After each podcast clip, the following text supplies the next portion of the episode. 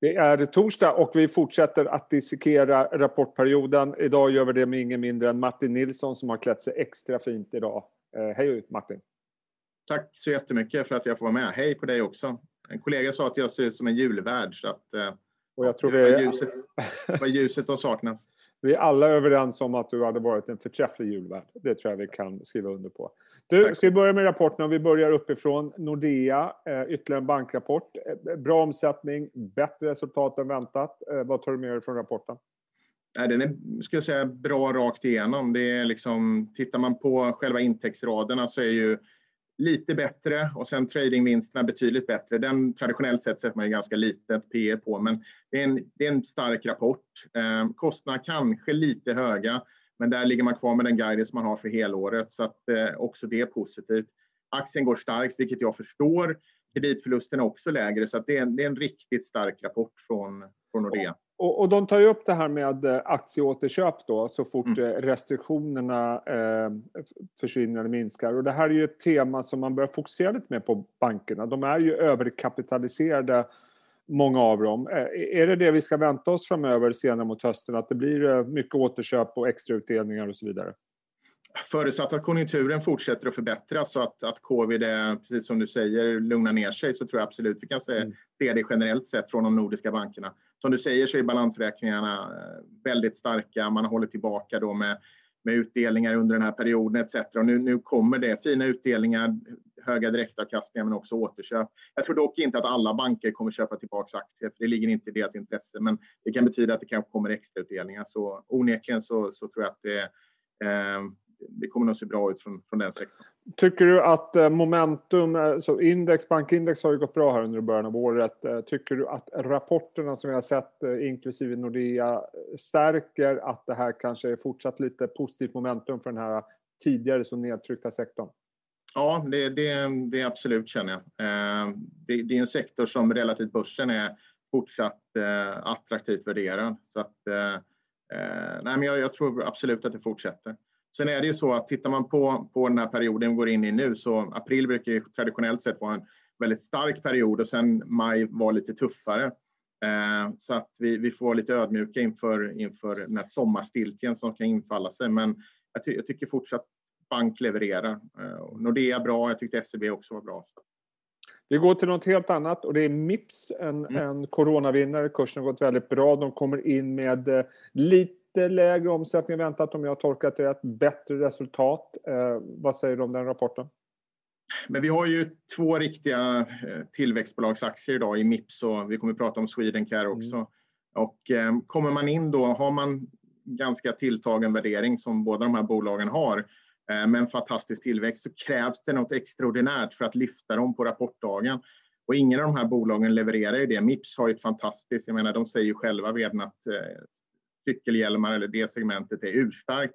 Och det vet vi om därför att liksom vi privatpersoner köper cyklar som aldrig förr och då köper vi också säkerhetsprodukter.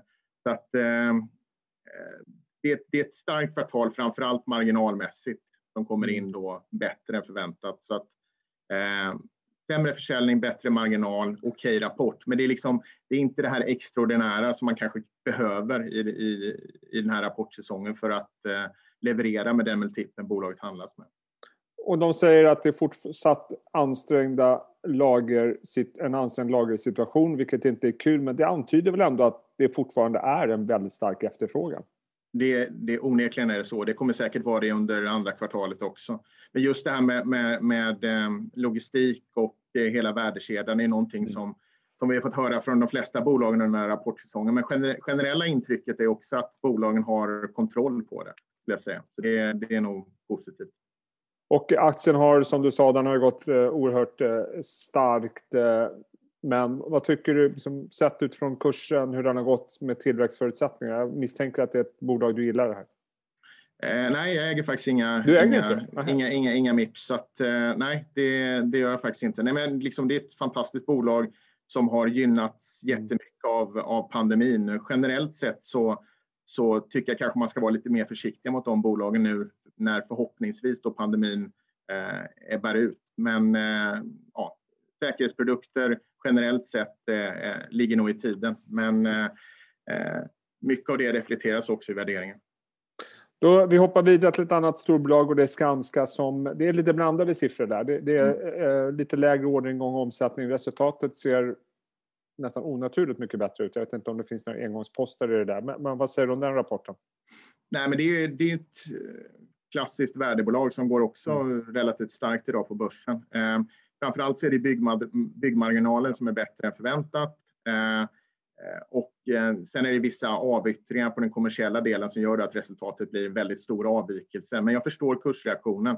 Eh, det negativa är väl att orderingången är något svag mot vad förväntningarna var.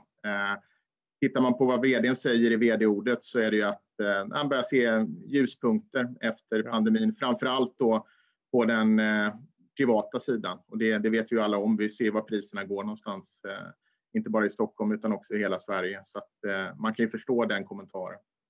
Ja, alltså Danielsson han ser ökad aktivitet. Eh, samtidigt Skanska är ett sånt här case som det är oerhört många som har gillat för att vi vet att infrastrukturen har varit eftersatt. Vi ser tecken på finanspolitiska stimulanser som kan gynna infrastruktur. Men det känns ändå som att Skanska står och stampar i den där kursen lite grann. Det, det, det liksom tar aldrig fart riktigt. Vad säger du om aktien och förutsättningarna framöver? Nej, men alltså, det, det var som någon sa att eh, ska, ska, man ska man ha byggexponering så kanske man ska ha mer aggressiva byggare om man ska ha det och ska man inte ha byggexponering ska man inte ha någon alls. Och då på något sätt så, så men jag menar Skanska har mycket dolda värden i balansräkningen och eh, jag, jag, vet inte, jag ser inte någon jättepotential i aktien, men det, den är solid aktie som som förhoppningsvis då kan, kan gynnas av en förbättrad eh, konjunktur, men också det faktum att det kommer infrastrukturella investeringar. Och eh, jag tror också att återbäringen till aktieägarna kan vara ganska solid också från, från Skanska. Så att, eh, det, utsikten är nog ganska goda, men, men på något sätt så... Det är en aktie som inte... Det är en stor, stort market cap-mässigt, men den är sällan i fokus, känns det som. Ja, det känns som att Eh, den får liksom aldrig riktigt eh, fart på det där. Men eh, mm. vi hoppar över till en annan tillväxtaktie. Du nämnde den tidigare, Swedencare kommer in. Det är en väldigt stark eh, omsättningstillväxt. Rensat för förvärven så är det väl plus 25 procent tror jag. Mm. Mm. Eh, lite lägre lönsamhet däremot mot förra året. Eh, vad säger du om den eh, rapporten? Det är ju fortfarande ganska små siffror trots allt. Ja, det är små siffror. Nej, men det, det är ett eh, område som har växt eh, otroligt mycket. Det är många under pandemin som har skaffat sig hundar. Jag menar nyregistrering av hundar under slutet av förra året var upp någonstans mellan 30-40 procent i, i Sverige. Jag hoppas verkligen att de som har köpt de här hundarna också tar hand om dem när de väl ska tillbaka till, till sina jobb. Men eh, det är ett segment, jag menar, jag har själv hund och eh, eh jag är smålänning så ibland är jag ganska kostnadsmedveten när det gäller mig själv. Men till min hund så vill jag ha det bästa när det gäller allt. Det gäller koppel eller dentalprodukter eller vad som helst. Så att, eh, folk lägger ner väldigt mycket pengar på sina djur och det här är en trend som jag tror också kommer fortsätta. Och Swedencare är ett bolag som, som gynnas av det här temat som är urstarkt och som har gjort en rad förvärv etc. Men rapporten i sig är, eh, alltså är ju i linje med förväntningarna kan man mm. säga. Och med den värderingen så räcker det inte och då går aktien ner en sån här dag. Det, det är lite så vi ser, vi ser vinsthemtagningar. Aktien har utvecklats extremt starkt under en lång period. Ja, men ja, ja, eh, men te, te, te, tematiskt så tror jag att det här temat det, eh, kommer, kommer fortsätta vara väldigt starkt just när det gäller djur och eh, ja, och det är inte bara någonting här i Norden utan ja, globalt. Men det som du säger, aktien har ju lämnat stratosfären och vilket många aktierna i sektorn har gjort. Eh, mm. Och därmed har värderingarna kommit upp rejält också. Eh, Absolut. Eh, vi tittar på en annan darling på börsen och det är Indutrade, en av många compounders som har haft en fantastisk utveckling. Det är väl en stabil rapport. Tillväxt på vad är det, 5% på orderingången, 3% på omsättningen. Känns stabilt, eller? Ja, jag, jag, kan väl säga det att jag tror många analytiker var ganska oroliga för att Indutrade skulle komma med en ganska svag rapport. Okej, okay, varför det? Nej, men, men liksom de indikationer om previews jag har läst så, så fanns det en oro för det. Så att eh, när den nu inte infinner sig utan rapporten faktiskt både ordermässigt och lönsamhetsmässigt är bättre än förväntat så blir det nog, det är ingen relief för att när, när jag gick in i det här mötet så var ju aktien ganska oförändrad upp marginellt. Men, men eh, eh liksom, jag, jag, tror liksom förväntningarna låg att, att det ska vara lite svagare. Sen är det ju det är medicin och farmadelen som driver på i, i Indutrade, men även andra delar börjar nu börjar man se en förbättring. Um, så att det är ganska positiva ut, utsikter för andra kvartalet också. Marginalen är ju, jag menar, orderingången är, väldigt stark, eh, omsättningen i linje, men sen marginalen är ju betydligt starkare mm. än vad marknaden förväntar så att, eh, nej, det är väl en, en positiv utsikt för, för Indutrade. Ja, det, och de säger som många andra att eh, utsikterna ser ut att förbättras och, mm. och, och, så vidare. Aktiviteten ökar. Och compounders har ju blivit oerhört populära. Liksom, hur, hur, länge kan man köra det här, vad man kallar reptricket? Att man liksom hela tiden adderar små förvärv. Eh, för det känns ibland nästan för enkelt. Ja, fast Indutrade är ju på något sätt, det finns ju någonting som kallas för den, den eh, nordiska modellen, eller den svenska modellen när det gäller just förvärv. Alltså mm. det, det handlar ju väldigt mycket om att de, Indutrade gör förvärv och låter bolagen på något sätt leva vidare. Eh, och det är en modell som är väldigt populär också bland säljarna, det vill säga att du vet att ditt företag inte blir eh, brandskattat, att du bara går in och, och, och liksom förstör det helt enkelt och bara drar ner kostnader och eh, eh tar bort personal som du kanske har känt i 20-30 år. Utan man har en affärsmodell som är väldigt populär eh, bland också säljarna och då får man köpa till, till bra multiplar. Så jag tycker liksom eh, så länge räntan är relativt låg och man kan finansiera det här på ett, på ett bra sätt så tror jag att det här kommer vara ett fortsatt ett vinnande delsegment när det gäller compounders. Men sen är det ju så också att man får inte glömma bort att de här bolagen som ingår i det här segmentet har ju också haft en rejäl multipelexpansion ja. under, under de senaste åren. Och förvärvstakten under 2020 var ju betydligt lägre än vad vi har sett tidigare, vilket var inte så jättekonstigt. Man kunde inte göra sina due diligence, man kunde inte kolla på, på bolagen på, på, på samma sätt. Eh, så att den takten kan nog säkert intensifieras. Men sen får man inte glömma bort också att eh, många företag har ju självklart sett den här framgångssagan. Så det är klart, de här förvärvskandidaterna som finns där ute, det kan ju bli lite mer, eh, ja, det vill säga att andra kommer också jaga dem, private equity mm. eller konkurrerande bolag etc. Så att nej, jag tycker Indutrade gör det, gör det bra. En solid rapport får jag säga. Eh, Midsona då, eh, kommer in med eh, en...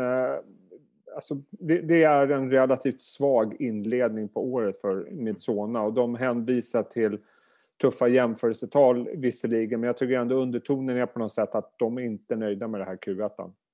Nej, men det är ett typexempel på ett bolag som gynnades väldigt mycket om man tar Q1, Q2 förra året mm. på, när, när, folk eh, köpte på sig eh, produkter för, för hemmabruk. Eh, och eh, det, det är någonting som faller tillbaka. menar, omsättningen organiskt är ner några procent, så det är ett sämre kvartal. Men det är ett typexempel. Jag menar, de, de säljer ju ekologiska produkter och det var ett otroligt drag efter sådana produkter under föregående år för att folk var oroliga för sjukdomen. Man ville ha liksom bygga upp immunförsvar och man ville köpa bra livsmedel, eh, kanske bättre än vad man köper i vanliga fall. Och det, det gynnade dem trendmässigt eh, väldigt mycket. Eh, så att, eh, det är absolut en effekt på eh, negativ effekt ger och ger på, på det otroligt starka första halvåret de här bolagen hade. Vad säger du om aktien på de här nivåerna? Jag tycker det är en ganska, för att vara ett konsumentaktie, jag tycker den är ganska fair värderad där, där, mm. där den ligger. Uh, uh, förväntar mig ingen multipelexpansion men inte någon multipelkontraktion heller. Utan uh, ska de fortsätta och och aktien ska utvecklas väl så gäller det nog att, att man, man eh, gör ytterligare förvärv. Eh, samtidigt så är balansräkningen inte jättestark så att liksom, då, då är det nog mindre förvärv vi talar om. helt enkelt. Ska vi avsluta med uh, Knowit mm. bland rapporterna. Ser ut att vara en stabil rapport. Det ligger en del förvärv i siffrorna. Lite svårt att se vad den underliggande utvecklingen är men jag tolkar det som att det går bra. Ja, alltså de gynnas ju av eh, alla de här digitaliseringstrenderna vi ser i, i eh, mm. vad heter det? Men samtidigt så är det ju också ett bolag som har haft problem under covid, det vill säga vissa investeringar, största sektorn som de exponerar emot är offentlig sektor, eh, håller tillbaka de investeringarna. Samtidigt så, så bygger det på något sätt på nyrekryteringar också av nya konsulter och det har man ju inte kunnat göra i samma utsträckning som man har velat. Nu börjar det komma, komma igång, säger, säger bolaget under eh, det här första kvartalet. Så det är positivt. Men eh, annars så, eh, så är det ett bolag som är, ja, men det, liksom bra värdering på det, goda tillväxtmöjligheter, bra positionerat, eh, starkt varumärke. Och det positiva är väl att man har börjat göra M&A också. Det kanske fortsätter. Man har fortsatt en stark balansräkning. Man gjorde det här norska förvärvet då, Kroina, eller Kroina, jag vet inte hur man ska uttala det. Men, mm. eh, men eh, så att eh, rapporten i sig är ju i linje med förväntningar, inget okay. som sticker ut överhuvudtaget. Så att, eh, jag tycker att den re reaktionen som är på aktien är ganska rimlig. Faktiskt. Jag ska bara läsa, jag, jag är inte så jätteinsatt i Knowit och jag läste på deras första sida vad de håller på med och då blev jag inte riktigt klok. Eh, så du kanske ska hjälpa mig. Skapa långsiktigt hållbara och innovativa digitala lösningar som bidrar till högt affärsvärde för kunden. Det låter ungefär som det man läser i alla rapporter. Vad gäller digitalisering. Vad, vad, säger, vad, vad bidrar Knowit med? Vad är det de gör som är så bra? De, de, de jobbar ju med företagen. Alltså företagen har behov att digitalisera sina affärsmodeller. Det gäller allting som har både med liksom kundinteraktioner men också med logistik och lager och etc. Så att eh, självklart så är det det, det, det Knowit gör är att eh, bygga upp de här digitala lösningarna åt företagen. En klassisk IT-konsult. Klassisk IT-konsult. Du, eh, Martin, vi avrundar lite grann med att höra vad du tycker om rapportperioden so far. Igår pratade jag med eh, Rulle på DNB. Mm. Han sa mm. att eh, utfallet är bra, mottagandet har varit lite mer ljummet, eller vad säger man, ljumt, ljummet. Mm. Va, vad säger du, hur skulle du sammanfatta rapportperioden när vi ändå har kommit en lång, lång bit in i den? Nej, men Rulle är ju grymt eh, klok, va? så att, eh, han har ju tagit eh, hela citatet. Nej, men det, det, är väl en väldigt bra sammanfattning. Mm. Tittar man på, på rapportsäsongen så har vi haft en enormt stark börs, framförallt för storbolag faktiskt under inledningen av året. Men även småbolag har gått bra. Så att när vi väl kommer till rapporterna och rapporterna är väldigt starka, väldigt solida. Mycket drivet av lägre kostnadsbas som vi har sett då, eh, under inledningen av året som är drivet av bolagen ganska slimmade från förra året. Men jag tycker fortsatt att eh, framtidsutsikterna ser ganska goda mm. ut. Sen är det problemområden. Eh, vi pratar om värdekedja, vi pratar om halvledare, vi pratar om råmaterialpriser. Eh, och jag tycker fortfarande inte man har fått riktigt alla de svar man, man vill ha där från bolagen. De känner sig väldigt konfidenta med både råmaterialpriserna och, och eh, andra saker, logistik, halvledare etc. Och prishöjningar. Och prishöjningar. Och prishöjningar. prishöjningar. Så att vi, vi, får se om de är lika konfidenta under, under, eh, under Q2, för det är mycket som händer just jag tycker ju eh, att det, det är ju svårt att gå in i en sån här rapportperiod när börsen har liksom gått spikrakt rätt upp så länge inför. Det, det, jag mm. menar, vi pratar om Mips idag, vi pratar om Swedencare. Det är ju inga dåliga rapporter. Och Sinch var inte heller en dålig rapport igår. Nej, nej, absolut. Men ändå så blir det på något sätt eh, går ner. För, för, trots allt är det väl ändå så, får se om du håller med om det, att vinstestimaten ska upp generellt sett efter den här rapporten.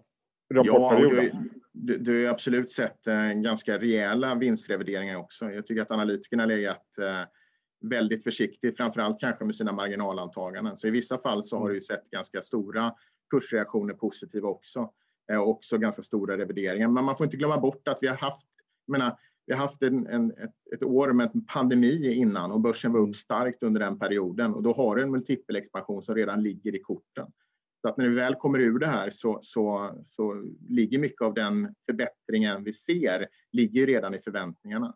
Ja. Eh, och sen är det personligen tycker jag att liksom, när, vi, när vi ser råmaterial, när vi ser logistik och så där, det är, på något sätt så kryper eh, inflation in i systemet. Vi får se lite vad som händer med räntorna och den stora rotation vi har sett under inledningen av året. Men, men jag tycker att det finns inget i den här rapportsäsongen som inte säger att Q2 också ska bli väldigt solida, generellt sett självklart. Mm. Bra, spännande. Eh, väldigt kul att snacka med dig Martin. Eh, tack för din eh, input. Eh, du får jobba vidare med rapporterna. Sköt om det. Tack så jättemycket. Sköt om dig också.